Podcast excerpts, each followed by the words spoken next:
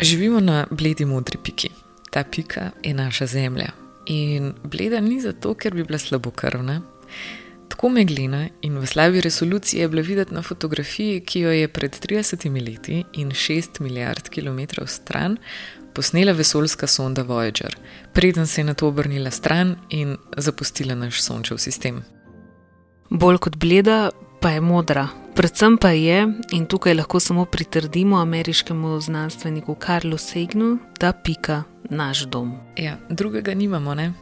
Pa ga niti ne bi iskala, ne glede na to, da bi bilo dobro kaj obnoviti, ker v njem malo metaforično pušča. Kakšen kos pohištva je polomljen, tudi vrata rahlo visijo stečajev. Nismo vedno najboljši gospodari sedem in še nekaj milijard ljudi, ki skupaj živi pod skupno streho atmosfere, težko pripraviš do tega, da so vestni prav na vsakem koraku. Sploh ker je takšen prostor, kakršen je naš planet, tako noro neobvladljiv. Kar pa ne pomeni, da se ni vredno potruditi. Še posebej, ker je treba okoljsko krizo nekako zagrabiti za roge in jo, rahlo podivjano, kot je videti, nekako umiriti. Dobra novica je ta, da nekateri med nami to poskušajo storiti. Najprej pa moramo to krizo tudi razumeti, vzroke za njo in njene posledice. Po poti dobrih, ali pa ok, vsaj spodbudnih novic, sta stopala novinar Boštjan Videmšek in fotograf Matjaš Krivic. Vedela sta, da ne bo kratka in to še vedno veste, ker nikakor še nista prehodila vse.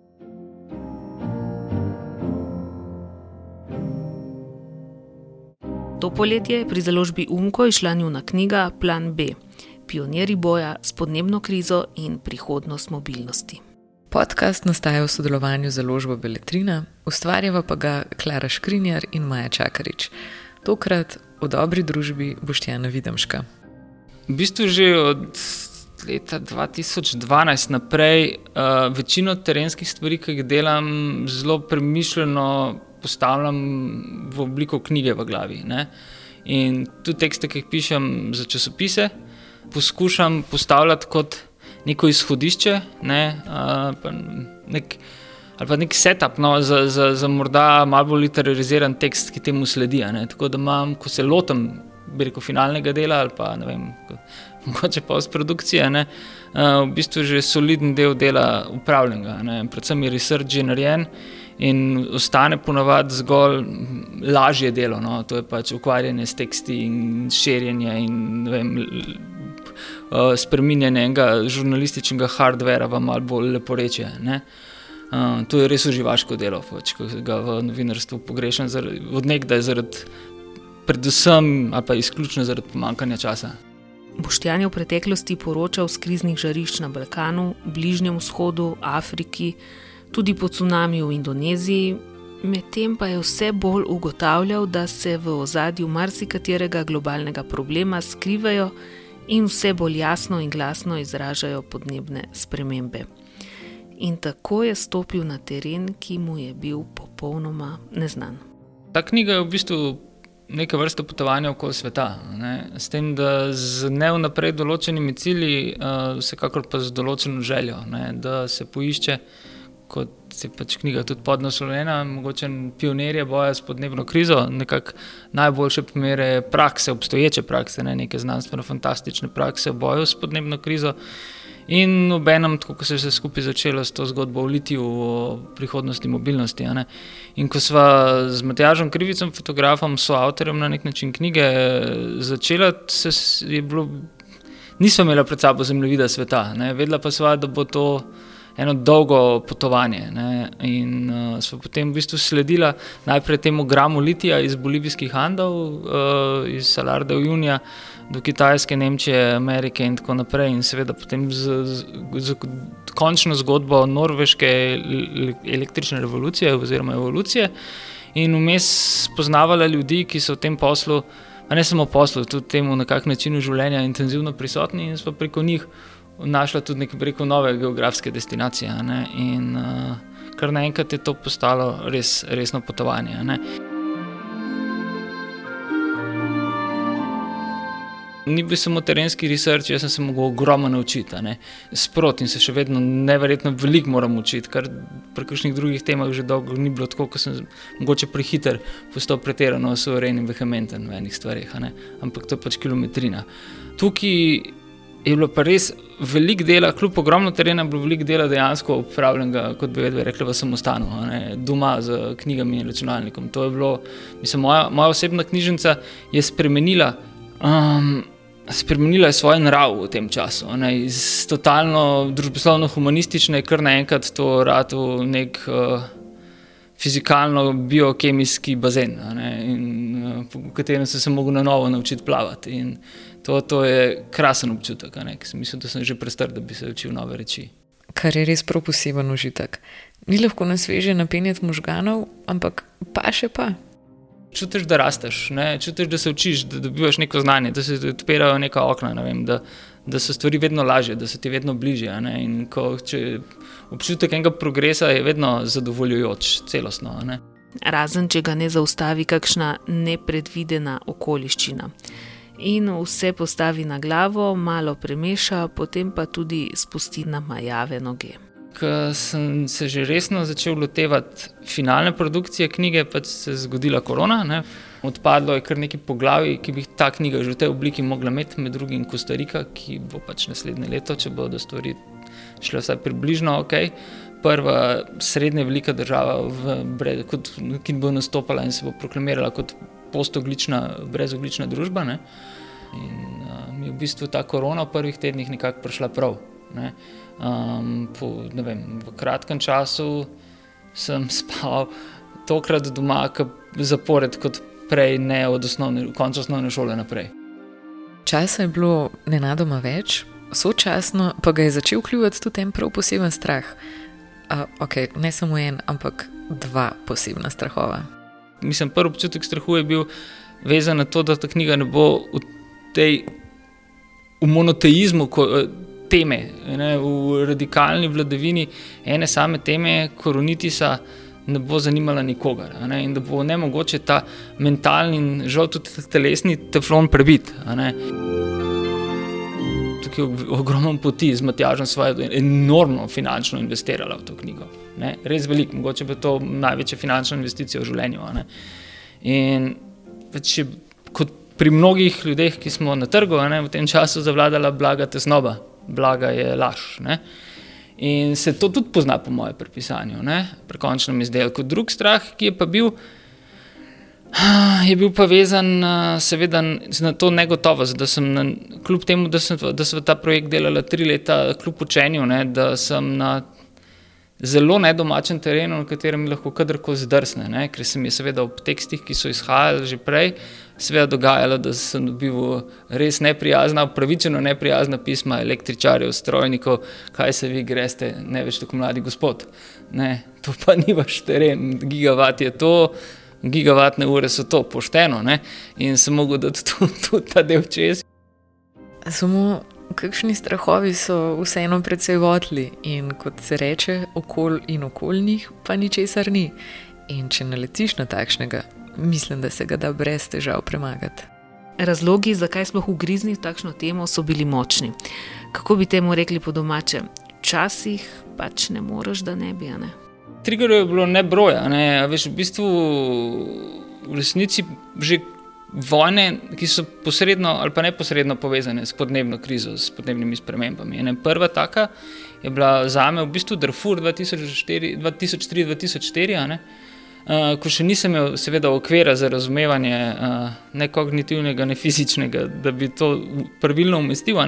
Ampak to je bila zgodba vode, to je bila zgodba suše, to je bila zgodba um, Sahela oziroma Sahare, ki se vsako leto pomakne 7 km proti jugu. To je bila zgodba 1500 izverov pitne vode, ki vsako leto na tistem območju izginejo. In je bil spopad med poljedelci in živinorejci v resnici. Ne? Ni bil to neposreden etnični spopad med arabskimi etničnimi skupinami in arabskimi, ki vodijo državo. Seveda je bil tudi, ampak je bilo treba razumeti kontekst. Tudi sirska vojna je v resnici izjemno, izjemno, pa je večkrat in grdo spregledano povezana s podnebnimi spremembami um, in z dem, posledično demografijo in selitvami ljudi v mesta, spori, ki so potem sledili med suni, večinskimi suniti in vladajočimi žiti in tako naprej. Marsik je, da ne govorimo o jemnu, eni najbolj suhih in vročih držav na svetu, da ne govorimo konc koncem o celem Sahelu, ki bo, bi rekel, peklo sveta v naslednjih letih in desetletjih.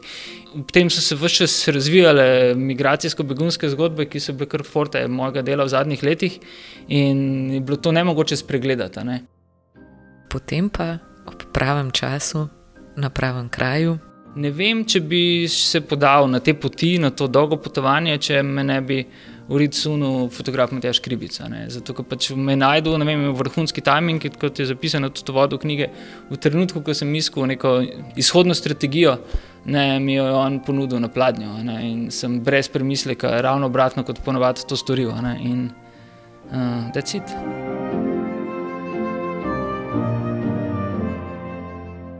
Osrednji subjekt, ki povezuje vse konce rdeče niti, je naš planet. Čeprav smo ljudje njegovi naključni prebivalci, se nam vseeno zdi, da se svet vrti okoli nas. Kakšen ples torej plešemo s tem svojim življenjskim prostorom, zlasti zadnje čase? Ne vem točno, kako bi se mu reklo, ampak mislim, da gremo tako ene dva koraka nazaj, pa enega v stran, pa potem enega naprej, dokler se malo ne zafeclamo in skoraj spotaknemo. Glede na to, da sem celostno prežet s cinizmom, sarkazmom in pesim, realističnim pesimizmom, ne, ki je seveda posledica vseh let pač mojega dela. Ne, in potem ostajam solidno veder. Ne, ne morem nič drugega reči, kot to, da pač, uh, smo globoko v nerešljivem kurcu. Ne. To, da. To je, bil to je bilo moje izhodišče, ko sem z Matjažem začela delati. Ne. In sem, če sem človeštvo in človeško in človečno dojemal kot temno, skoraj sovražno. Ne, v, v trenutku, ko sem se tega lotila, sem bil eh, popolnoma na napačni poti ne, in sem mogel zelo hitro spremeniti pristop. Se veliko bolj tehnično, kot kadarkoli, veliko bolj razčustvovano, kot kadarkoli, ker je seveda veliko lažje v teh zgodbah kot v vojni. To pomeni, da, da uh, sem lahko izstopil iz zgodbe in praktično naracijo v veliki večini prepustil ljudem, ki imajo veliko več uh, verjetja v človeštvo in v, v to, da je mogoče vendarle kaj spremeniti, kot tega premorem jaz v svojih najbolj netreznih, optimističnih trenutkih. In uh, to se je skazalo za res dobitno kombinacijo, ne, zato ker je odpirala vrata do ljudi, ki drugače mogoče z Matjažem do njih nikoli ne bi prišla. Ne. In te ljudje so me, bi rekel, vedno znova uh, porinili v pozicijo ponižnosti in uh, neke nežnosti, in rahločutja, da sem lahko rekel, od njih začel črpati na novo navdih in v bistvu hkrati pa tudi neka, neka, neka nehote poiskana terapija. To, ne. Veš, ko hodiš po otokih in državah in mestih in skupnostih, ki so v bistvu samo iz lastne pobude, iz neke notranje želje. V bistvu spremenile vse okoli sebe v delujočo, svobodno in fizično, ne uh, etnično čisto družbo, ne, uh, je to nad vse navdihujoče. Enako ohrabrujoče je bilo to, da ima raznolikih uspešnih okoljskih pobud ni bilo treba iskati z lupo. Mm, te, te, te pobude, predvsem v Evropi, imajo kar nekaj skupnih točk. Veš, ljudje se poznajo med sabo. Ne? Eh, v bistvu ugotoviš, da je ta prostor veliko bolj povezan, kot se nam zdi. Kot vse čas ponavlja Matej Šlenarčič, to je tako ključen stavek te zgodbe ne delujejo, če se jih razume skozi tehnologijo, gre za sociologijo. Ne? In uh, to, to je tudi nekakšen pristop, ne? da v bistvu najprej spremeniš družbo, da lahko potem v bistvu izkoristiš tehnologijo, ki je na voljo. Ne? Če je obratno, si uh, Kitajska. Kot razvoj tehnologije neskončno prehiti, agresivno, po desni prehiti uh, razvoj človeka. Ne? In medtem, ko je Boštjan opažal, da še kar zanesljivo tonemo, se je odločil, da bo našo pozornost usmeril na projekte in tudi na skupnosti, ki nas poskušajo držati tako nad vodo in pokazati, v katero smer bi lahko plavali. S krivicem sta prepotovala v svet, dobršen del energetsko trajnostnih projektov sta opazila v Evropi, tudi v Mediteranu. Večinoma gre za lokalne pobude, ki pa že imajo učinke. Samo kdo je pri tem najbolj zavihal rokave, da je dobro idejo pljusknilo naprej k naslednji skupnosti? Ni dovolj sociologija, ni dovolj tehnologija, ni dovolj ne samo politična volja, ni dovolj samo denar, uh, oziroma črpanje od kjerkoli že sredstev. Uh, ni dovolj samo naravne danosti, kot vem, v primeru Norveško s hidroenergijo in seveda na, nafto črni, ki poganja to zeleno zgodbo in geotermala, vem, recimo na Islandiji, in seveda tudi voda, ki praktično omogoča ne samo energetsko neodvisnost, ampak tudi neskončno gospodarsko prosperiranje za tega dela. Ne? Konec koncev, ne vem, imamo primere uh, bližnjo-vzhodnih držav Venezuele in vedno bolj tudi združenih držav, ne? ki so pač bogato obdarjene z fosilnimi gorivi, pa še zdaleč niso demokratično odprte in ne, napredne družbe, prej nasprotno. Otoki so vedno nekako zaprte skupnosti, so posebni, ne, so tudi otoške države, tukaj nastopajo. Obstajajo, obstajajo vem, od Islandije, obstaja od Orknijsko otočje, obstaja Tilos, vse sredozemno kot res posebna, krasna, čudovita, na vse navdihujoča zgodba. Ne, ampak vendarle, zakaj pa nekak drug otok? Ne? To, to se je potrebno vprašati. E, nekaj se je zgodilo, dokaz je, da se da. Ne? In uh, hkrati, ker je dokaz, da se, da se da, je to mogoče tudi aplicirati na druge podobne reči. In v bistvu sem v vsakem placu poskušal potem tudi odkriti, to bi tudi del rekel, nekega, kako ne rečem, taktičnega pristopa k knjigi in vem, novinarskim izdelkom, odkriti ljudi, ki stojijo za tem ne, in kaj bi bil njihov trigger. Ne. In kaks, ravno tilo se mi zdi tukaj najbolj zanimivo, ker je potem zgodba šla kar nazaj ja, v 70-ta leta, v čas, v čas voja, fašistične vojaške hunte in zgodbo zdravnika. Tasusa Taliferisa, takrat mladega študenta, ki je bil prisiljen iti v Italijo študirati, se vrnil nazaj po padcu Hunte in ga je zanimalo samo to, da gre čim prej nekam stran na novo postaviti svet. Pač včasih, ko je idealizem vladal nad interesi. Ne? In uh, je to storil, je šel na en mali zapuščen, popolnoma izseljen otok. S to zgodbo o otoku Tilos boš ti odpre knjigo. To je prvi primer dobre prakse. Dajmo poslušati en odlomek iz nje. Marija Kama je županja Tilosa že 8 let. V skromni županski pisarni v starinskem, čudovito belo-modrem mestecu Megalo Horjo, skozi katerega je vlekla prijetna sapa, ki je mehčala spomladansko vročino, je nadomestila nenadomestljivega Tasosa Liferisa, ki je Tilos obudil od mrtvih. V času njegovega županovanja se je namreč število stalnih prebivalcev otoka podvojilo, Zacvetel je ekološki turizem, obnovljene so bile antične pastirske poti, zgrajene ceste. Tilos je bil prvi sredozemski otok, na katerem so prepovedali lov leta 1993, kar je hriboviti naravni raj spremenilo v zatočišče številnih ptičjih in tudi drugih živalskih vrst. Na Tilusu so, davno prednje to v Grči postalo legalno, s pomočjo pokojnega Aliferisa organizirali tudi prvo istospolno poroko in sprožili številne progresivne in alternativne projekte. V letih 2016-2018 je na Tilu sodeloval tudi Center dobrodošlice za begunce in migrante, v katerem je lokalna skupnost skupaj z županjo zunaj vseh zbirokratiziranih in razčlovečenih institucij sama poskrbela za ljudi, ki so se pred vojnami iz bližnje Turčije z malimi gumijastimi čovni bolj ali manj po nesreči zatekli na tam mali otok humanizma.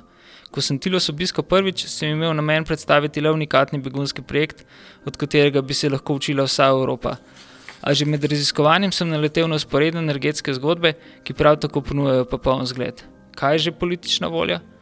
Do dekaneške otočke pod Japanom ali Ferisom in na to še pod Japanijo Kamo postal zatočišče svobode, kamor hodijo turisti, ki v rokah na mesto tablic in pametnih telefonov držijo tiskane knjige.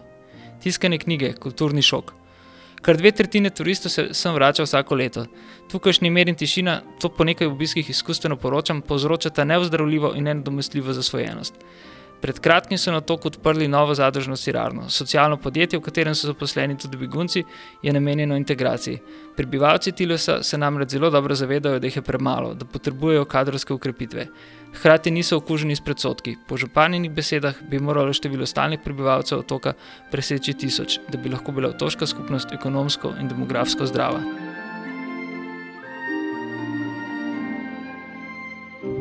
Tilos je danes samo preskrben energetsko in prehransko. Na tem področju je eno od najbolj naprednih območij v Evropi.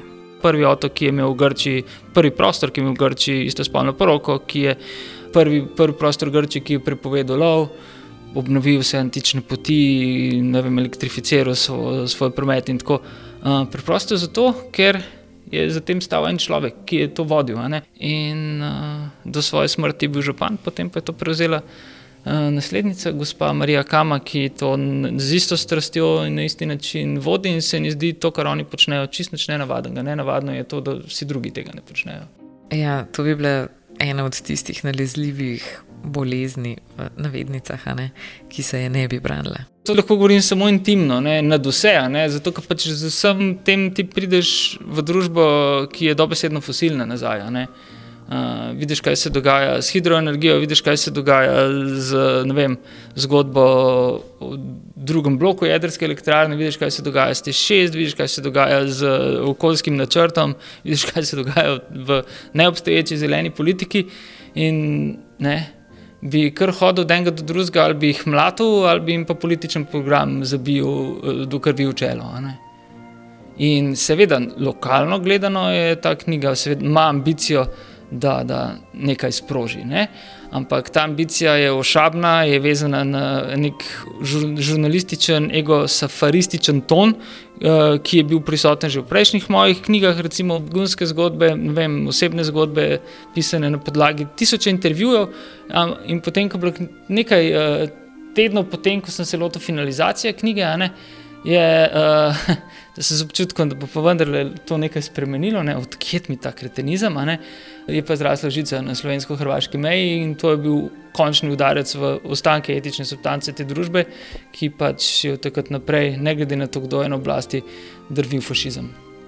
Vseeno pa se puščamo zazibati v spanje in sanje, le da te niso vedno naše lastne. Ko nam jih priljubljeni politiki dozirajo kot sladkorčke, marsikaj spregledaš, če je tvoja pozornost usmerjena v obljubo svetle prihodnosti, ki jo bomo doživeli enkrat že. V neprijetnosti, ki jih tudi vidimo, pač ni vedno lahko ugrizniti in se z njimi sprijazniti. V Sloveniji izrazito razumemo okolje kot neko komoditi ali pa dobro se prostor komoditete v resnici, ne? kot neko poslovno kategorijo. No?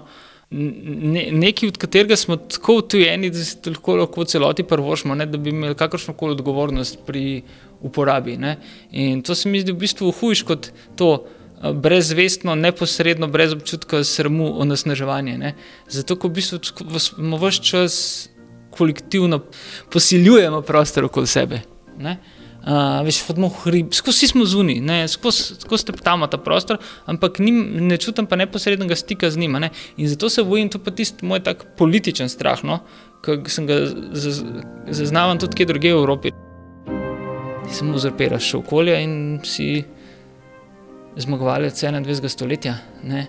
Uh, in kar bomo videli v prihodnje, ne, dobro, če pade Trump, recimo, ne, bo to prvi velik klik, da v bistvu bo climate denial, uh, climate change denial, v bistvu zginil iz jedilnikov. Uh, se bodo spucale te nekakšne norosti, ki so tako grobo penetrirale v, v, v, v mainstream. In si bodo ob tem povsem napačni ljudje oddahani. Ne? V bistvu je dobro, da imaš transparentnost teh tem bolanih tako izrazito, kot je bilo v tem času, potem, ko se bo to skrilo za uradne politike, spet nazaj za politično korektnost in lepo reče, bo to veliko bolj nevarno. In po, naša pozornost bo šla drugam. In uh, v bistvu bomo ostali na propagandnih spotih s polarnimi medvedi. No? Kar je največja taktična napaka, ki si jo v boju s podnebno krizo lahko človek privošči. Kako lahko vrsta, ki živi od pobijanja vsega okoli sebe, um, svojo prihodnost ščiti uh, s podobo holokausta. Pa niti ni treba gledati v nejasno prihodnost. Ustavimo se kar tu, v poletju, ki je za nami. Ne pozabite, da imamo z naskokom najbolj vroče poletje v Arktiki za seboj, da, da, da, vem, da bo konec junija vrhojansko 37,8 stopinj v kraju, kjer so pred 140 leti izmerili najnižjo temperaturo v severni hemisferi, ne, kaj minus 68 stopinj Celzija, da, da je bilo um, v, zadnjem vikendu, v zadnjem julijskem vikendu na norveški Arktiki na Svalbardu 21,7 stopinj, da je v bistvu vse čas gorel cel, cel sever. Ne. Da se tali permafrost, da uhaja metan, ki je nič koliko krat močnejši in bolj v negativnem smislu učinkovit eh, toplogredni plin od oglikovega dioksida, ne, da se nam stvari dogajajo v pospešenem posnetku. Ker tu v vem, našem, naši geografiji in tudi uh, sociologiji, in predvsem demografiji, ne, tega ne razumemo kot da je sovražnik pred vrati, da, ali pa da je to zdaj grozeča, uh, zdaj grozeča nevarnost, kot recimo, ko stopiš na cesto, pa vidiš, da avto proti tebi drvi in instinktivno se omakneš, ne razmišljaš o tem, kaj boš naredil, ker je refleks, evolucija to naredi zate. Uh, refleks in evolucija pa za podnebne, uh, podnebne krize ne obstajajo. Ne? In zato je potrebno neskončno reflektirati te stvari in delati stvari tudi proti svoji volji. In res nismo kot vrsta pripravljeni na spopad s tem, kar smo zajebali. Se pa lahko spopademo vsaj z malodušjem. Ja, obti, obtičali smo za enkrat. Ampak takoj, ko se stvari sprostijo, pa pač nadaljujejo z Matjažem s podobnimi temami. Namesto da bi potegnila črto, sta v knjigi vseeno pustila dovolj prostora za tropičje. Mitve pa pod ta podcast postavlja v piko. Hvala Boštjanu, pa tudi Beletrini in Slovanski knjižnici, ki nam je odprla svojo dvorano za snemanje. Prijetno branje želiva in se slišmo čez približno en mesec. Čau, čau. čau, čau.